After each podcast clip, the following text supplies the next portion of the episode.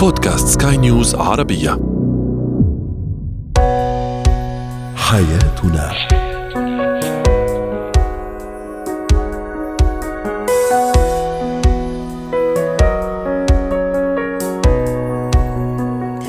مستمعينا الكرام أهلا بكم معنا إلى حياتنا. فضاؤكم اليومي الذي يعنى بشؤون الأسرة وباقي الشؤون الحياتية الأخرى والذي يمكنكم الاستماع إليه عبر منصة سكاي نيوز عربيه dot com slash podcast وباقي منصات سكاي نيوز عربيه الأخرى. شاركونا عبر رقم الواتساب 00971 معي أنا امال شابة. اليوم سنتساءل ونتحدث عن تأثير البيئة الأولى أو النشأة الأولى تأثيرها على الزواج على الحياة الزوجية على تعامل الشريك مع شريكه زوج أو زوجة. أيضا سنتحدث عن أسباب تعلق الطفل الزائد بالأم وكيف نعالج هذا التعلق. وأخيرا اتيكيت كتابة الرسائل الإلكترونية. هو وهي. لا شك أن الأسرة أن البيئة الأولى أن التنشئة الأولى أن السنوات الأولى أيضا لها تأثير مباشر على شخصياتنا.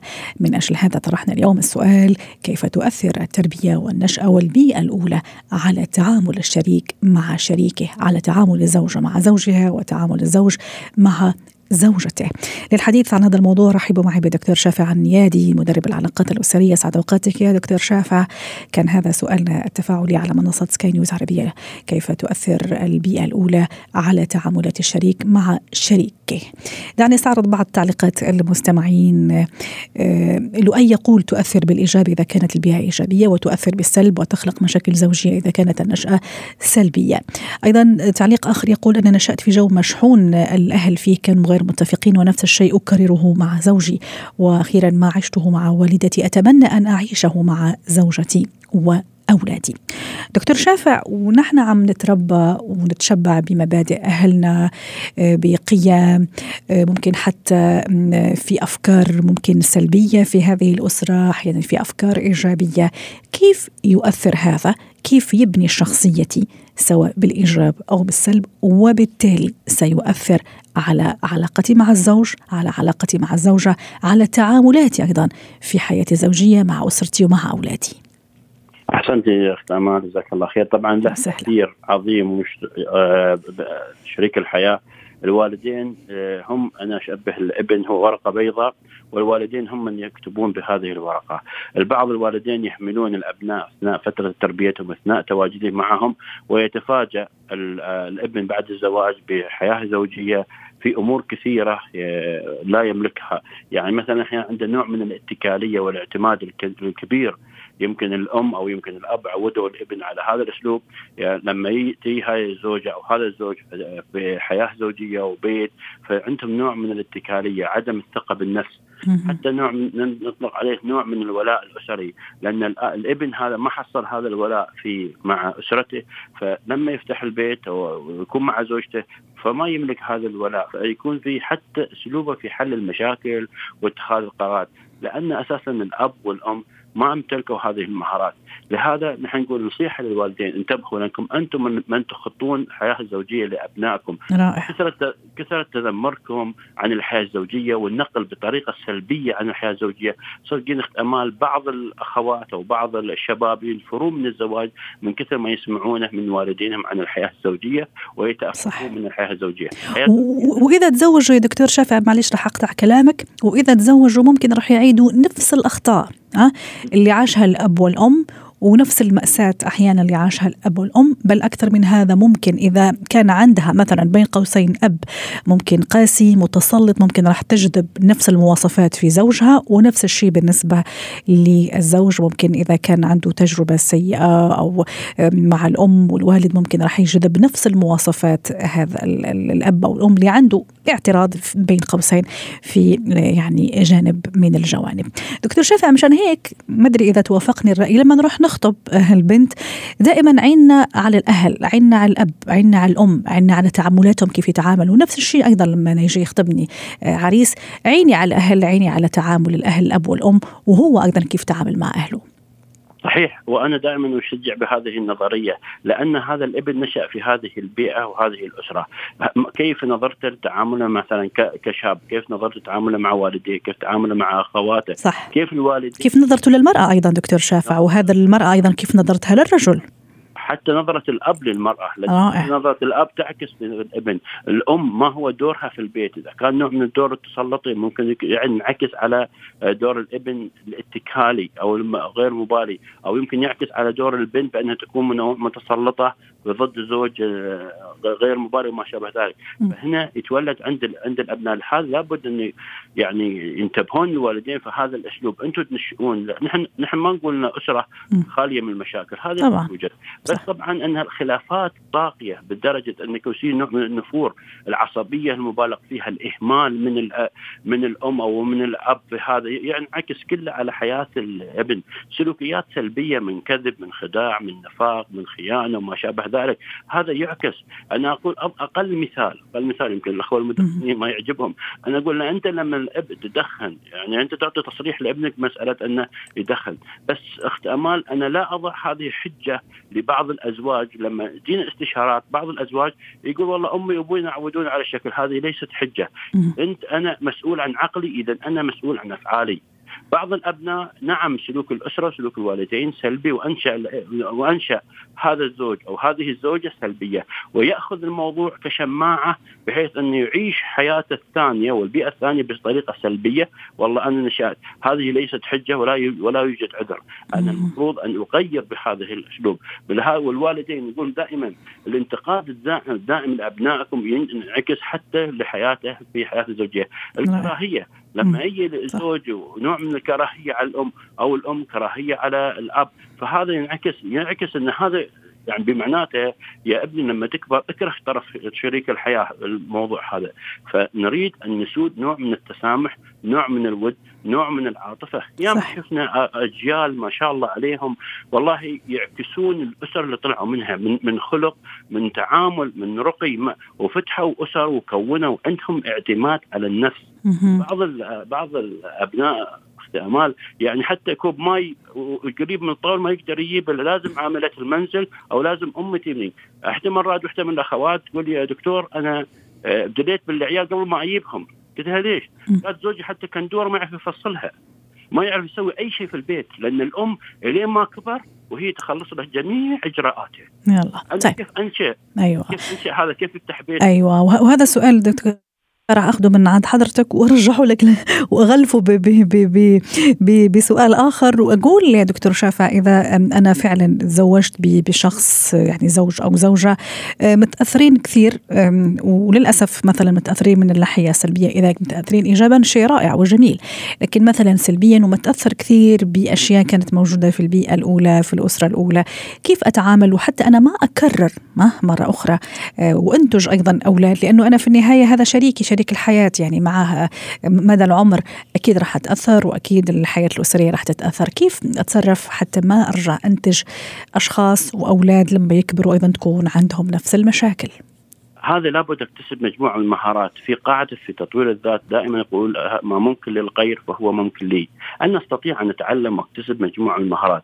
نحن يمكن هذا صار في هذه الأسرة انشات انت انشاك أنت أو أنت كزوجة أو كزوج كسلبيين. فهذا ليس معناته حجة أن نعيش وأقرر تعتبر امال هذه سلسلة. إذا أنتم الآن ما غيرتوها بينتقل لابنائكم من أبنائكم لأحفادكم فما بتنتهي. فأخلي نقطة النهاية من عندي. أنا اغير أكتسب مهارات. أنا عندي بعض المهارات اللامبالاه عندي بعض المهارات إني ما أمتلك نوع من الذكاء العاطفي. هذه كلها أمور وأهم شيء الوعي دكتور شافع أيضا هذا كثير مهم إن أكون واعية إنه فعلا أنا جيت من هذا البيئة ومن هذا التربية في أشياء سلبية حصلت لي وأنا ضحيتها في النهاية كفتاة أو كزوجة أو كزوج. لكن ستوب ما لازم يعني آه، تتأثر فيا كثير وما لازم تأثر على حياتي الزوجية وبالتالي حتى ما نكرر نفس الخطأ. فأنا أقصد هنا موضوع الوعي كثير مهم. مهم بشكل الاعتراف. أنا ما الإنسان ما يتغير إلا لما يعترف أنه هو في في سلوكه هذا خطأ. كثير ممكن تحاول تغير بعض السلوكيات وهو مو معترف أن هذا خطأ. أنا هذا طبيعي فمستحيل أقدر أغيره. لهذا نحن دائما ننصح الأزواج الجدد اكتسبوا مجموعة من مهارات حياتكم الزوجية. لا تكونون قص ولصق من حياتي أنا لا لا أنكر على على الآباء أو كيف سلوك. طبعا. بس أنا بصمتي في حياتي الزوجية لابد أن يكون لها ميزة وخاصة. لأني هذا شريك الحياة جاي من بيئة أخرى مختلف وعائلة أخرى. فليس المفروض أن يعكس نفس بيئة أسرتي أنا ونفس مجتمعي. فأكيد نوع من الخلافات. صح. فلهذا يعني كثير من بعض بعض الشخصيات أنا أقول لابد نكتسب مجموعة من المهارات. فهؤلاء المهارات نحن تكلمت ما نحن كاستشاريين لن نولد استشاريين. اكتسبنا هذا اكتسبناها بالعلم وبالقراءة وبالدورات والمحاضرات واكتسبنا فهذا دليل أن الإنسان يستطيع. أما مسألة انه اجلس وأضع موضوع شماعة وأشتكي على الأسرة صح. وعلى البيئة وعلى أنه هذا ويرد يعكس هذا في أبنائه. أقول اتقوا الله في أنفسكم. لأنكم أنتم الآن تنشئون جيل متشتت. هذه أمان أمامك. اقطعوا هي سلسلة أنا المفروض أقطعها وأتعلم مجموعة من المهارات. صح. والآن العلم ليس بالأمر الصعب سهوله إن نقدر نحصل أو نكتسبها. واضح واضح. شكرا لك دكتور الشافع عنيدي اسعدتنا اليوم ونورتنا بهذه المشاركة ضيفنا العزيز من أبو ظبي مدرب العلاقات الأسرية.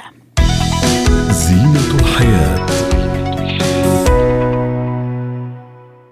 اليوم في زينة الحياة سنتحدث عن مشكلة التعلق الزائد آه، للطفل بأمه طبعا.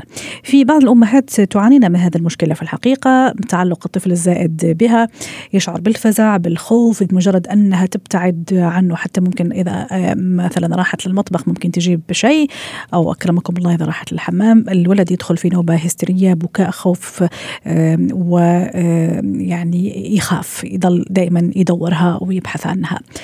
رحبوا معي بهمسة يونس الخبيرة النفسية والتربوية. سعد أوقاتك أستاذة همسة. في البداية لو حابة شوي أتعرف معك ومع السادة المستمعين تفيدينا اليوم في هالموضوع. ما الذي يجعل طفلي متعلق بي بشكل زائد؟ ما أقول التعلق العادي التعلق العادي هو شيء طبيعي جدا. ابني يتعلق بي أنا أمه في النهاية. لكن التعلق الزائد وحتى المرضي أيضا آه، ما الذي يجعله ضحية لهذا التعلق؟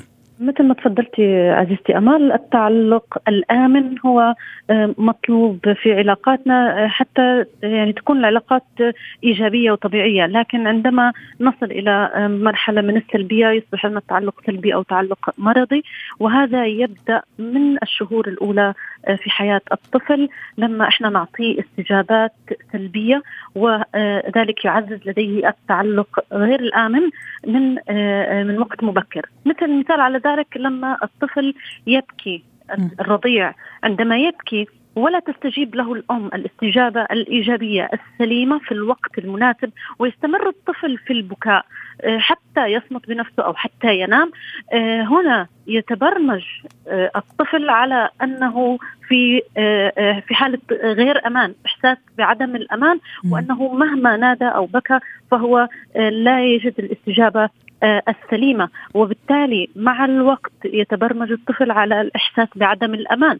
هذا الإحساس بعدم الأمان آه، يتراكم داخليا عند الطفل ويبدأ يبني عليه آه، مرة تلو الأخرى على يعني بقية السنوات وهو ينمو ليتبلور أمامنا آه، آه، عندما يدخل المدرسة أو الحضانة وينفصل عن الأم. المثال اللي أعطيت إياه مجرد مثال آه، بسيط يعني. م. تبدأ منه عملية التعلق غير الآمن التي تبرمج الطفل عليها. حضرتك أيضا. ولما حكيتي على الحضانة وكأنك عم تشيري لموضوع الابتعاد المفاجئ عن الطفل ممكن أيوة ممكن عندي عمل اضطراري سفرة اضطرارية زي ما نعم. تفضلتي ممكن الحضانة. من غير ما أجهزه من غير ما أهيئه لهذا الانفصال فأكيد لما أرجع أكيد راح يكون التعلق الزائد خوفا مني مرة أخرى راح يضيعني أو راح أغيب عنه نعم أيضا التعلق ممتاز. غير الآمن أو التعلق المرضي قد ينشأ وغالبا ينشأ من آه، سعي الأمهات إلى انهم يقوموا بكل ما يجب أن يقوم به الطفل، لا يعطوه مساحة للاعتماد. على نفسه وبالتالي يصبح عنده قلة ثقة بالنفس وإحساس بالعجز أو إحساس بالتواكل وهنا يصبح تعلقه بالأم غير آمن فما بيكون مهيئ نفسيا إنه هو ينفصل عن الأم ويقوم باحتياجاته الخاصة بنفسه لعدم ثقته بنفسه. وراح أزيد عليها سادة همسة الإسراف أيضا في الخوف عليه وتدليله واظهار القلق دائما دائما القلق الزايد عليه آه، أوعى تسقط اوعى ما أدري إيش فهذه أيضا راح يخليه كثير التعلق. صحيح. موضوع أيضا آه، غياب دور الأب في هذا في هذا الحالة. لما الأب يكون غايب كدور نعم. أنا ما أقصد كحضور أه؟ نعم. كدور ك... ك... كلمسة خلي أقول أحيانا أيضا التعامل القاسي للأب آه، في أسرة تكون فيها الأم ممكن تدلل كثير أو حانونه كثير والأب يكون شديد القسوة أتصور هذه من بين الأسباب اللي تخلي الطفل يتعلق تعلق زائد ومرضي بأمه وليس كذلك صحيح عندما يجد أن الأم هي الملجأ الوحيد له الذي يشعر معه بالأمان فبالتأكيد ستكون هناك فجوة بينه وبين الأب. لكن خليني أشير لك لنقطة مهمة. آه، في كثير من الأحيان تكون الأم هي السبب الرئيسي لتعلق طفلها فيها لأنها هي ودون أن تقصد ودون أن تشعر آه، تحب تعلقها بطفلها وتعلق طفلها فيها. لدرجة في بعض الأمهات تبكي لما الولد مثلا خلينا نقول يروح مثلا أول أول يوم اللي في المدرسة أو أول يوم في الحضانة في عندها هستيريا أو ممكن آه، جدته تطلب منها إنه خلي مثلا يجي يوم عندنا. فالأم هي اللي ما تكون أوكي هي اللي عندها حالة هستيرية وحالة مضطربة. نعم. أكثر من حالة أخت أمال يعني كانوا يبعثوا لي الأمهات آه، إنه ابني آه، صار له أسبوع بيروح الروضة لكن كل يوم بيبكي وما تعود وأنا مش عارف شو أعمل. هو متعلق فيني كثير فكنت أنبهها لفكرة انت متعلقة فيه انت.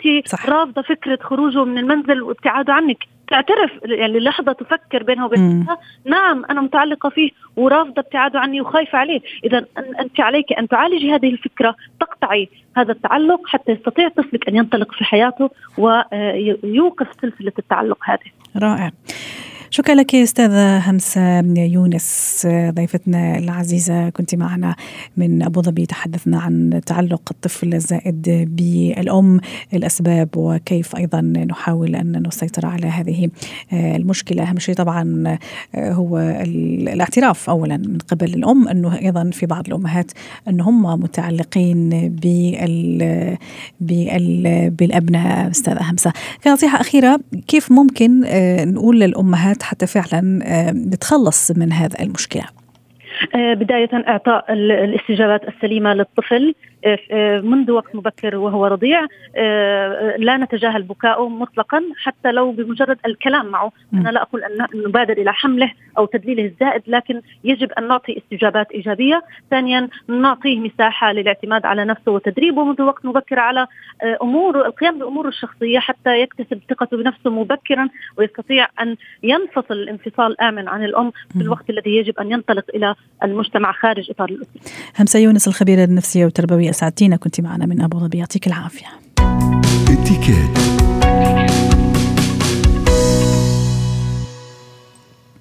اليوم في اتيكيت نتحدث عن اتيكيت المراسلات الإلكترونية في العمل الإيميلات والرسائل في الرسمية في العمل. رحبوا معي بمارلين سلهب خبيرة الاتيكيت ضيفتنا العزيزة من بيروت. أهلا وسهلا فيك أستاذة مارلين. ما هو اتيكيت كتابة الرسائل الإلكترونية والرد أيضا عليها واللي هي عادة رسائل رسمية؟ نعم. اولا أنا بحييكي. أهلا وسهلا. و... و... وكثير ما بنسمع عن أداب المراسلة الإلكترونية وقد إيه مدى أهميتها. لأنه هي أول شغلة مفروض نعرفها إنه لازم نعرف إنه هي بتختلف عن المراسلة بين الأصحاب وبين الزملاء لازم نعرف هالشيء وننتبه إنه في زملاء بالعمل وفي عملاء لازم نتعامل معهم وأوقات رح نوديهم لمدراء. سو قد إيه فينا ننتبه على هالنقطة لما نغلط يعني آه، بكتابة الميل يعني تبعنا بكتابة الرسائل. آه، حضرتك بتعرفي إنه هلأ الشركات كثير عم بتشدد على نقطتين أول ما بيدخل الشاب لعندها آه، بيشوفوا الميل تبعه إذا في أخطاء كثيره وخصوصا أخطاء إملاء. بالعلم إنه شبابنا كثير ما بقى عم يهتموا بالإملاء. بس هيدي شيء مهم لأنه بتبين إذا نحن مهتمين إذا نحن منا مبالين يعني. وكمان في شغلة أغلبية الشركات صارت عم تعمل تدريب لهالموظفين. لأنه ليلتزموا بأداب المراسلة. أه ألو؟ نعم معك معك ومركزة وعم اسمع مع عم اسمع في الكلام. بس تعرفي ما بقى معوده على التليفون اللي ما في خشي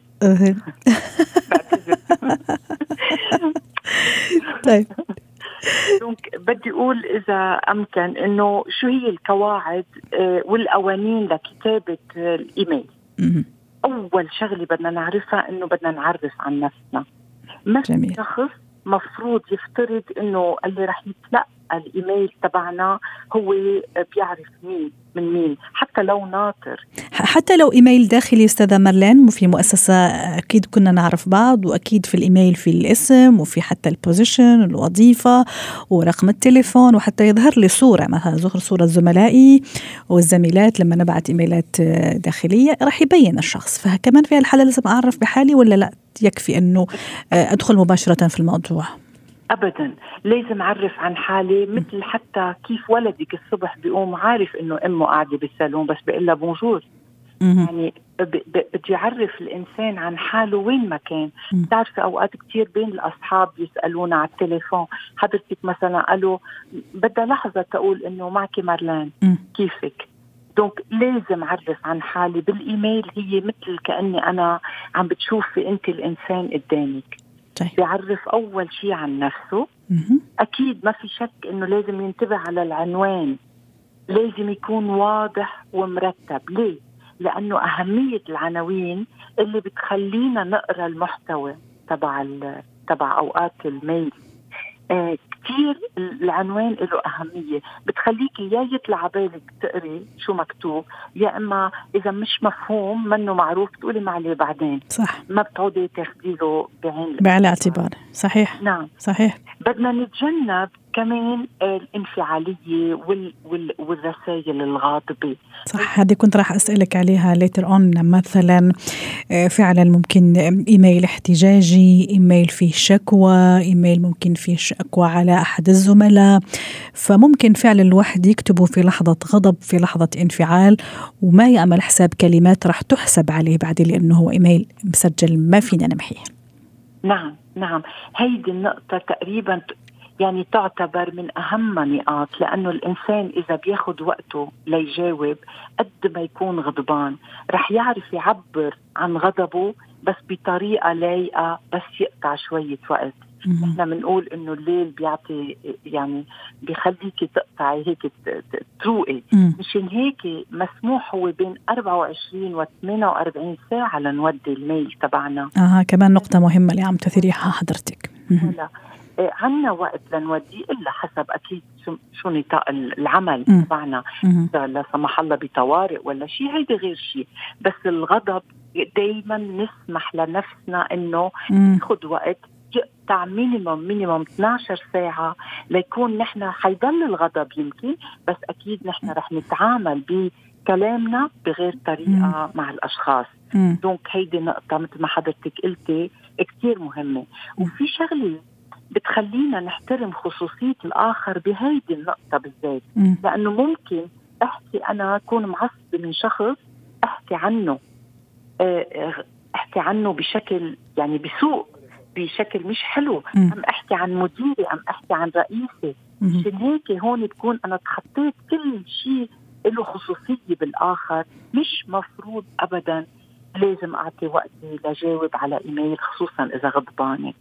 جميل. آه. سيدة مالين موضوع الإطالة أيضا والقصر أحيانا زي ما تفضلتي بيقولوا المكتوب مبين من عنوانه زي ما قلتي المفروض أنه السابجكت يكون واضح حتى هذا يعطيني دافع أني أكمل أقرأ الإيميل. نفس الشيء بالنسبة لطول وقصر الإيميل هذا أحيانا يكون طويل كثير وممكن حتى بيضيعك ولا تعرفي شو قاصد اللي عم يبعث الإيميل شو بده إذا بده يشتكي ولا بده يطلب شيء أو بده يجاوب على شيء.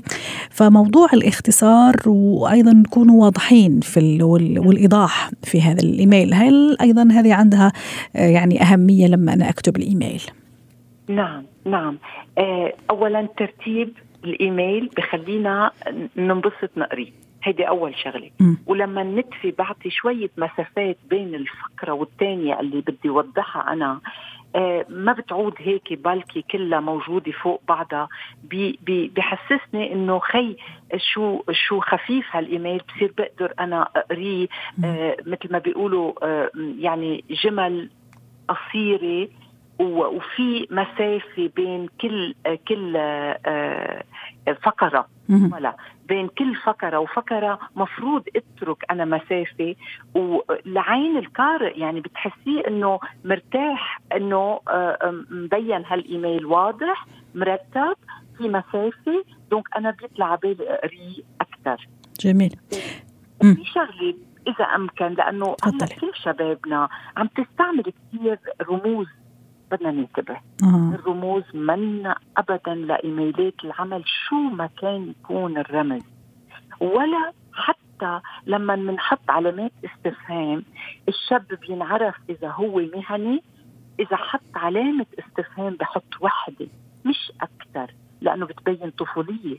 إنه نحن يلا حطينا ثلاث أربع هيك. هي آه. ابدا مهنية. وراح أضيف بهالموضوع أيضا إنه نخلي المحتوى الرسالة أو الإيميل مهني ومش شخصي وما في ولا شيء شخصي في الإيميل. أستاذة مارلين حتى نختم في 30 ثانية. نعم م. نعم. بس بدي أقول شغلة. ما ننسى ابدا نوقع الإيميل لأنه هذا كمان كثير يعني هيدي بتبين شخصيتنا. وفي نقطة إذا أمكن بالعمل هو الرد على الرسائل حسب الوقت المطلوب. لأنه ممكن نخسر كثير أمور إذا ردينا بالوقت الغلط. ننتبه على هالنقطة بالذات. وطبيعة الشغل تبعنا آه، يعني تسمح يعني تحدد هي اللي تحدد. نعم م. نعم هي اللي بتحدد. تمام. بس ننتبه كثير على الوقت. تمام. على الوقت. شكرا لك سيدة مارلين سلهبة. ساعتين اليوم ضيفتنا العزيزة من بيروت. ختام حلقة اليوم من حياتنا. الشكر لكم. وإلى اللقاء.